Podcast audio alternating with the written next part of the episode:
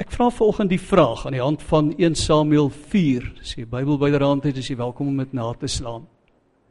Dien ons die ware God of dien ons ons idee van wie God is? Om die vraag so 'n bietjie anders te stel en om te draai, dien ons 'n God wat ons maak om in ons behoeftes te voorsien? Of dien ons die God ter wille van wie ons bestaan? Ek dink 'n belangrike vraag.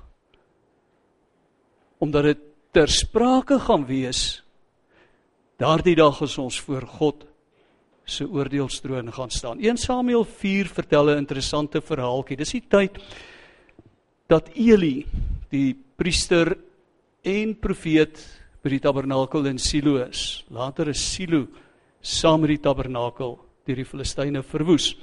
Nou Eli was 'n baie goeie profeet en priester totdat sy twee seuns groot geword het Hofni en Pinias met so 'n bietjie nepotisme het hy hulle werk in die tempel gegee en hy het mettertyd uitgevind dat hulle hulle immoraliteit binne die tempel bedryf en hy het niks gedoen daaraan nie. Later sou koning Dawid dieselfde met sy kinders doen. Daardie gedagte as jy die probleem lank genoeg ignoreer, dan gaan hy dalk van self weg. En dit het die tabernakeldiens en die diens aan Jahwe aan aan die Here in onguns by die volk gebring. En dis dan nou in hierdie tyd dat die volgende verhaaltjie afspeel. Ek gaan net oor een pleknaam iets sê want dis nogal 'n sleutel tot wat hier gebeur. En dit is die die pleknaam Ebenezer. Hebreëus beteken dit steen van hulp. Steen soos 'n rots van hulp. 'n Klompie jare later kry hierdie plek eers die naam. Op hierdie stadium het die plek waarskynlik geen naam gehad nie, dit was 'n oop stuk veld. Maar hierdie plek sou later, miskien so 15, 20 jaar later die naam verdien as Eli se opvolger Samuel. Onthou die seun wat daar in die tempel by Eli gaan bly het nadat sy ma van die Here afgebid het. Sou Samuel die volk Israel teen die Filistyne wat ook in hierdie verhaal 'n rol speel, teen hulle lei en die Here gee hom 'n beslissende oorwinning oor die Filistyne want die Here is saam met hulle. En dis hy wat sê hierdie plek se naam is Ebenezer. Die ironie dat hierdie naam nou reeds in die verhaal gebruik word voor daardie voorval. 1 Samuel 4 vers 1. Op 'n keer het Israel teen die Filistyne gaan oorlog maak. Die Israeliete het by Ebenezer kamp opgeslaan. Die Filistyne by Afek. Afek is 'n klein dorpie. Hulle het hulle leer teenoor Israel laat stelling inneem. En toe die geveg ontplooi, is Israel deur die Filistyne verslaan. Hulle het omtrent 4000 man op die slagveld afgemaai. Vers 3. Toe die manskappe van Israel in die laar kom, het die leiers gesê: "Waarom het die Here ons vandag voor die Filistyne laat vlug?" Kom ons gaan haal die verbondsark van die Here uit Silo na ons toe. Dat dit by ons kan wees om ons te red uit die greep van ons vyande. Kom ons gaan haal die verbondsark dat die Here by ons kan wees. Vers 4: Die manskap het na Silo toe gestuur. Die verbondsark van die Here, die Almagtige wat oor die Gerub stroon van Silo af laat bring. Jy onthou nou Die verbondsark was soos 'n troon en die handvatsels van die troon was nou hierdie twee hemelwesens, kom ons sê nou maar engele figure waar die Here nou sy arms op sou laat rus in die verbeelding van Israel, die verbondsark met die gerubs. Vers 5 sê, of kom ons sê net vers 4 se laaste helfte Eli se seuns of net Pinias was ook by die verbondsark van God. Hulle kom saam. Die priesters moet hierdie ark dra. Vers 5: Toe die verbondsark van die Here in die laar kom, het die hele Israel so hard geskreeu dat die aarde weer galm het.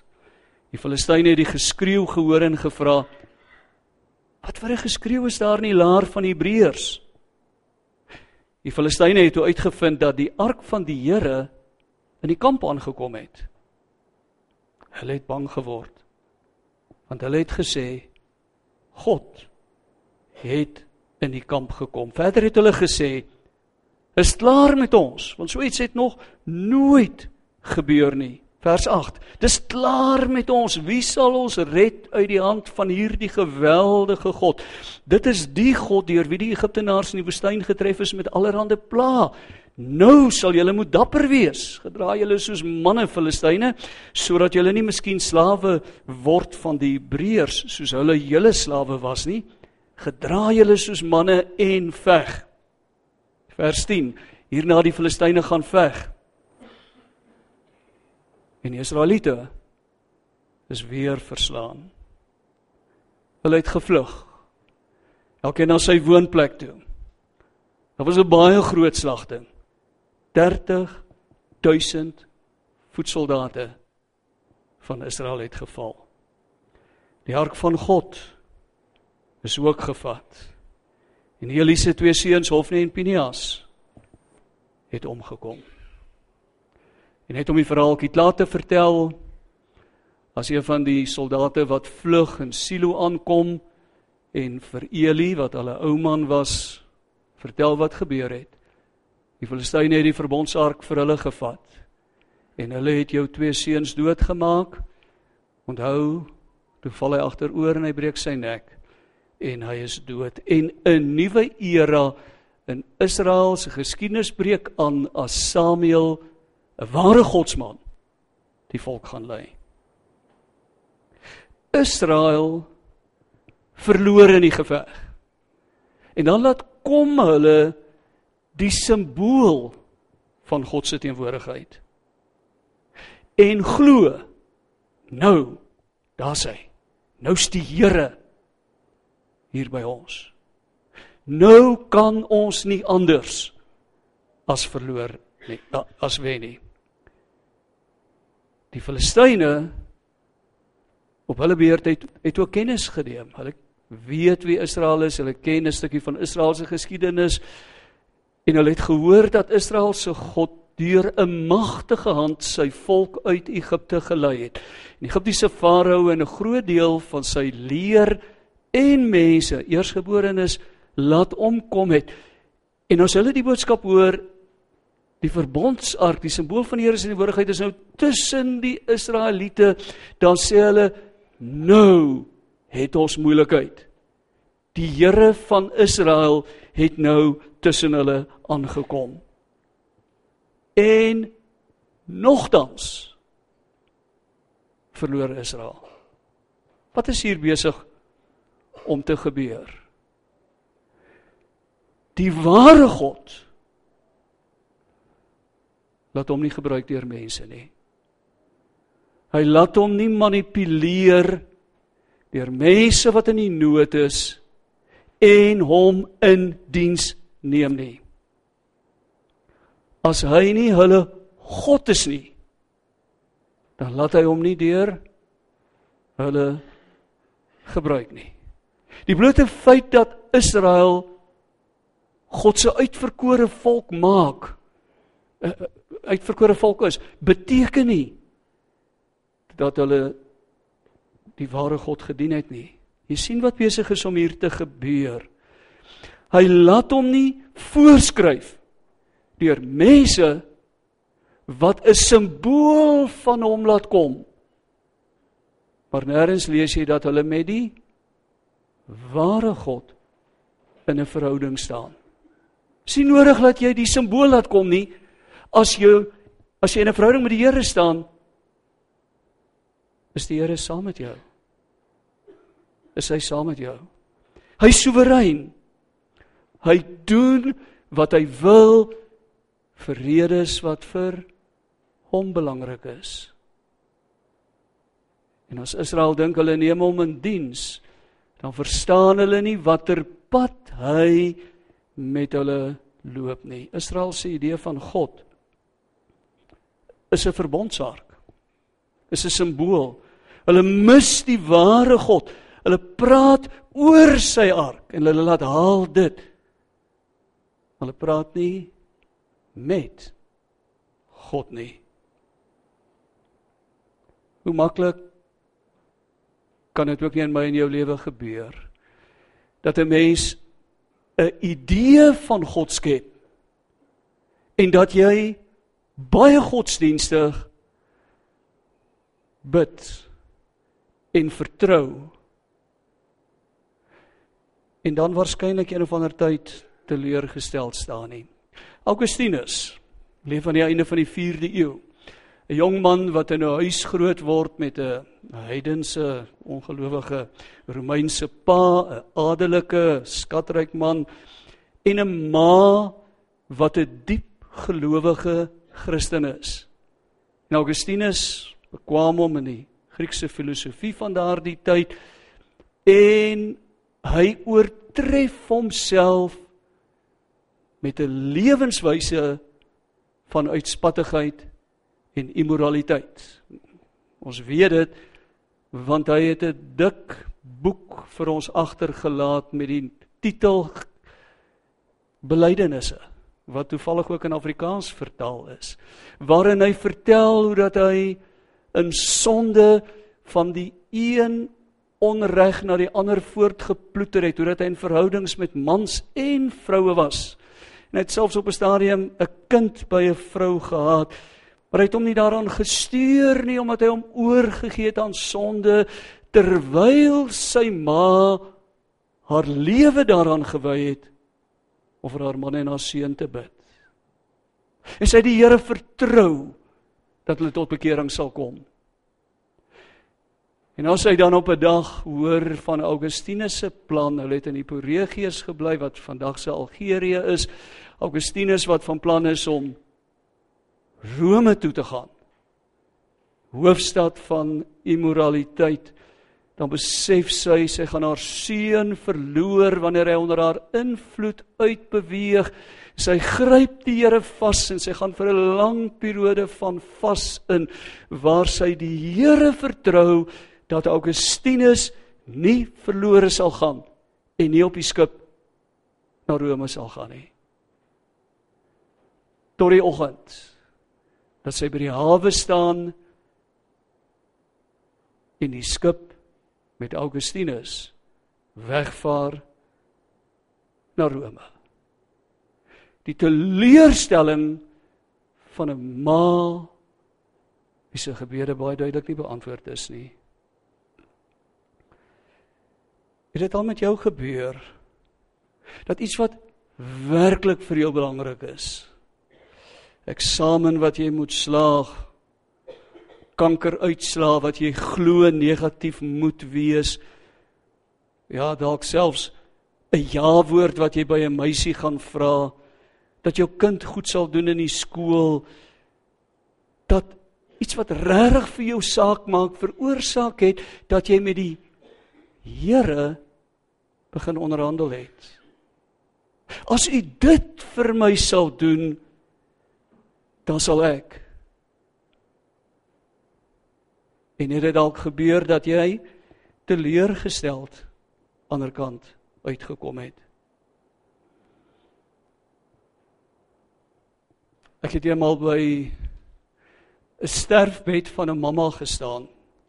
Klein goed was hy daar nie, maar die pa, die man was daar gewees en en nadat sy dood is en al die formaliteite afhandel is en ons uitstap sê hierdie man verbitter teleurgestel kwaad.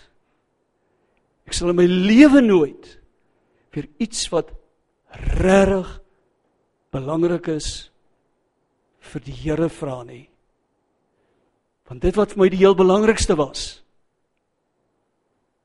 daarin het hy my geïgnoreer. Het hy my nie gehoor nie. Die ander dag het Rinus iets interessants gesê. Hy sê dan so nou en dan iets interessants nê. Het gesê die son is groot. As jy 'n kind was en ons het dit ook gedoen, Kan jy die son met jou duim toemaak? Jy kan vir son, jy was gawe idee om nie vir die son te kyk nie behalwe as jy graag gesigsgebrek wil hê. Maar jy kan toemaak en dan kyk en die son is weg. Hoe so? As daar 1.3 miljoen aardes heel gerieflik langs mekaar in die son kan inpas, maar jy kan met jou duim die son weghaal. Natuurlik met die afstand met jou perspektief te doen. Maar dieselfde kan ook maklik gebeur dat God uit ons lewe verdwyn, dat die ware God kan wegraak terwyl jy na jou idee van wie God is kyk. Jy kyk die ware God mis. Wat is die verskil tussen 'n mens se idee van God en die ware God? Die een God wat jy kan manipuleer en die ander een in wie se diens jy staan en in wie jou hele lewe homself ontplooi. Kom ons begin by gebed. Hoekom bid ons? Wat wil ons bereik? Wat is die komponente van gebed waarmee ons dit wil bereik? Gaan dit om my en my behoeftes? Dit wat vir my belangrik is, dat ek moet ons ook 'n 'n onderskeid maak tussen dit wat ek nodig het en dit wat ek graag wil hê, my behoeftes waarsonder ek nie en my begeerte wat al groter word, lyk my tot op 'n sekere ouderdom dan besef 'n mens jy nou nie meer al hierdie goed nodig nie, jy gaan eendag daar in 'n klein plekkie intrek en dan gee jy dit vir jou kinders wat hulle ook nie wil hê nie. Maar gaan dit om my as ek bid of gaan dit om die Here? Hoeveel van die tyd praat ons oor onsself? En wanneer ons bid, hoeveel van die tyd praat die Here met ons oor ons lewe? Of bestaan 'n gebed vir ons daaruit dat ek vir die Here in terme van my lewe vertel wat ek wil hê hy moet doen. Al die goed wat ek vir myself kan doen, die Here, vertrou ek u mee, u sal dit vir my doen. Die een wie se seun vir ons gesê het, voor jy vra, weet my Vader. Terwyl jy vra, antwoord hy. Julle Vader in die hemel weet wat jy nodig het. Jy hoef nie heeldag julle hemelse Vader te herinner daaraan dat hy vir julle moet sorg nie. Hy sorg. Hy's 'n Vader. Vertrou hom. Wat sou gebeur het? Jy al daaraan gedink? Indien Jesus in Getsemane so gebid het. As sy gebed in Getsemane gedryf was deur eie belang en selfsug. As sy gebed daar oor homself en sy eie behoeftes gegaan het. As gebed in diens staan van my ons het die pragtige lied vanmôre gesing my vriendskapsverhouding met God sal dit nie eerder insluit dat hy die senior vernoot in hierdie verhouding die grootste gedeelte van die gebedstyd aan die woord sal wees nie? In plaas daarvan dat ek hom vertel wat ek nodig het dat ek na hom luister na wat hy vir my wil sê. Hoekom hy my in hierdie situasie geplaas het wat vir my ongemaklik genoeg is dat ek daarmee na hom toe kom en waaruit ek graag wil kom. Ek het 'n vriend gehad wat so nou en dan verwys het na die feit dat hy bitter ongelukkig getroud was. Net op 'n stadium bely dat hy beplan om te skei wanneer die kinders groot genoeg is en en hulle nie meer emosioneel van hom afhanklik is nie en sal verstaan waaroor dit gaan. Toe bedag toe vertel hy dat hy by geleentheid gefrustreer in sy gebed geskree vra het Here hoekom Hoekom het U toegelaat dat ek in hierdie huweliksverhouding beland? Hoekom het U my nie gekeer nie? Hoekom het U my oë oopgemaak laat ek sien in wat se skoon familie ek introu nie? Hoekom het ek so 'n slegte keuse gemaak? Ek het U geken. En in 'n oomblik van genade, daardie insig wat in jou hart groei dat die Here met jou praat, hoor hy die stem van die Here wat sê want dis my wil dat jy in hierdie verhouding moet wees. Dis die skool waarin ek jou geplaas het om jou karakter te vorm vir wat vir jou wag, selfs vir die lewe hierna. Skielik het sy bydra tot sy huwelik verander. Want sy gesindheid, sy gees het verander. Sodat 'n groot deel van die spanning en konflik uitgeskakel en hanteer kon word totdat hy op 'n dag half skaam teenoor my erken het, jy weet. Ek is eintlik gelukkig getroud. 'n oomblik van genade waar ek ophou praat oor myself en my behoeftes en die ware God aan die woord kan kom. Dan kan vas. Dis 'n Bybelse gebruik wat ook onder ons mense voorkom en wat wat aangemoedig word. Maar wat wil jy bereik wanneer jy vas? Gaan dit om iets wat ek by die Here wil kry. Augustinus se ma. Of gaan dit daarom dat ek my oopstel en afsonder en kom sê Here, as daar enigiets tussen my en U is, wil ek graag hê U moet dit vir my uitwys. Dalk 'n slegte gewoonte of sonde wat my en my verhouding met u en my verhouding met ander mense skade aandoen. Vas is die ideale ruimte waarbinne God se gees in ons kan werk, want dis 'n tyd dat ons stil genoeg word dat ons hoor wat hy wil sê, maar dit vra na die rede hoekom ek vas. Dit vra na die rede hoekom ek God dien.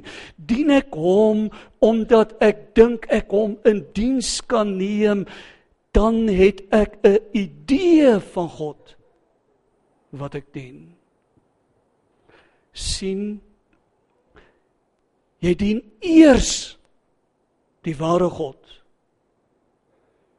as dit om hom gaan. En as jy alles in jou verhouding met hom belê. As dit om sy eer gaan. Selfs in aanbidding. Hier in die kerk, wanneer ons saam met die voorsanger sing, kan dit ook so maklik om my en my behoeftes gaan. Die 21ste eeuse verbruikersamelewing het van ons individualiste gemaak, selfsugtige mense wat bestaan ter wille daarvan dat ons behoeftes en begeertes bevredig word. As ons ophou om ons behoeftes en begeertes te bevredig, gaan stort die ekonomie ineen. Onthou van die gemeente in Australië wat op 'n dag ophou sing het. Sodat hulle op die Here kan fokus. En toe hulle weer 'n dag sing, toe hulle eerste lied It's all about you. Jesus. Dit gaan om u. Dit gaan om u eer. Dit gaan daarom dat u aan die woord kom. Dit gaan daarom dat u u wil aan my openbaar en ek diensbaar aan u word. Gemeente sang kan maklik in vermaak ontaard veroorsaak dat ons emosioneel gestimuleer is en goed voel oor onsself wanneer ons uit die kerk uitstap sonder dat ons noodwendig by die ware God uitkom. En hy ons lewe hartgrondig transformeer en verander. En ons as veranderde mense uit die kerk uitstap, want die teken dat jy die ware God dien is dat jou lewe al meer gelykvormig aan Christus se doelstelling sal word. Dat jou karakter al meer gelykvormig aan syne sal word. Jou gesindheid syne sal begin reflekteer. Ongeag wat in die kerk gebeur. As jy dieselfde klink en hoe jy met jou lewensmaat en jou kinders praat as voorheen. As jy aanhou om op jou medepadgebruiker te skel en om wit leentjies te vertel wat niemand gaan uitvind nie en jou 'n klomp moeite spaar en jy aanhou met die BTW wat jy oorbetaal te Peter weet dan dat ongeag die feit dat jy godsdienstig is jy nie die ware God dien nie jy nie die ware God dien nie en dan daardie kritieke gevaar dat die dag as jy op die Here vertrou hy jou nie steek laat. Kom ons gaan terug na Monica. Augustine se ma. Teleurgestel stap sy van die hawe en sy sê ek het my geld op die Here gesit. Ek het my geld verloor. Sy dra rug op die Here tot sy enkele weke later 'n brief uit Rome van Augustinus skry waarin hy vir haar vertel hoe dat hy in die vreemdheid van 'n nuwe stad in die tuin van die Lucisius waar hy bly sit en hy hoor aan die ander kant van die muur speel kinders een of ander speelietjie wat sê tolle lege tel op lees En so half sonder om te dink, intuïtief lê daar 'n boek op die tafel waar hy sit. En hy tel dit op en hy begin lees. Johannes 1. In die begin was die woord. Die woord was by God. Die woord was God self. En hierdie woord het vlees geword. En teen die tyd dat hy aan die einde van Johannes 1 kom, kniel hy daar en in Rome, hoofstad van immoraliteit, gee hy sy hart aan die Here. Augustinus word Afrika se grootste teoloog en sy boeke dra by dat die westerse kerk groei en groei en groei. En Monica moet sê, Here, Die God wat ek gedien het, het my teleurgestel. Maar die ware God, as jy jou aan hom onderwerp, laat jou nooit in die steek nie. Ek sluit af. Moet ons nie dit oorweeg of ek en jy nie dalk soos Monica eintlik in God se pad staan met ons godsdienstigheid nie.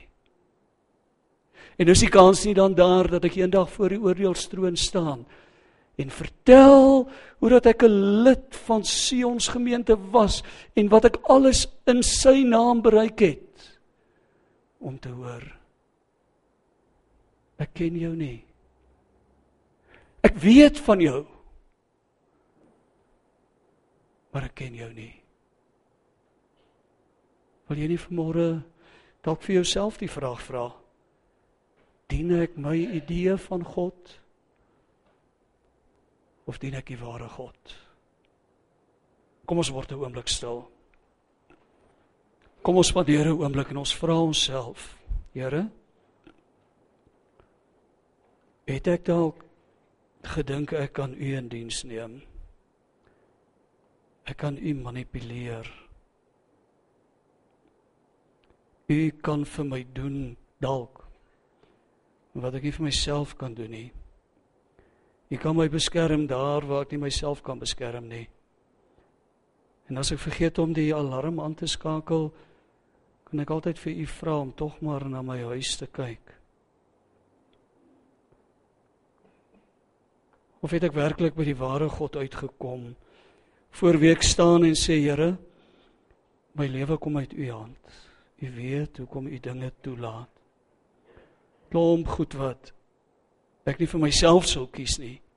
Maar dis wat belangrik is nie want ek lewe nie vir myself nie. Ek bestaan ter wille van u en ter wille van u koninkryk. Doen wat u wil. U weet die beste. U regeer. U is pottebakker.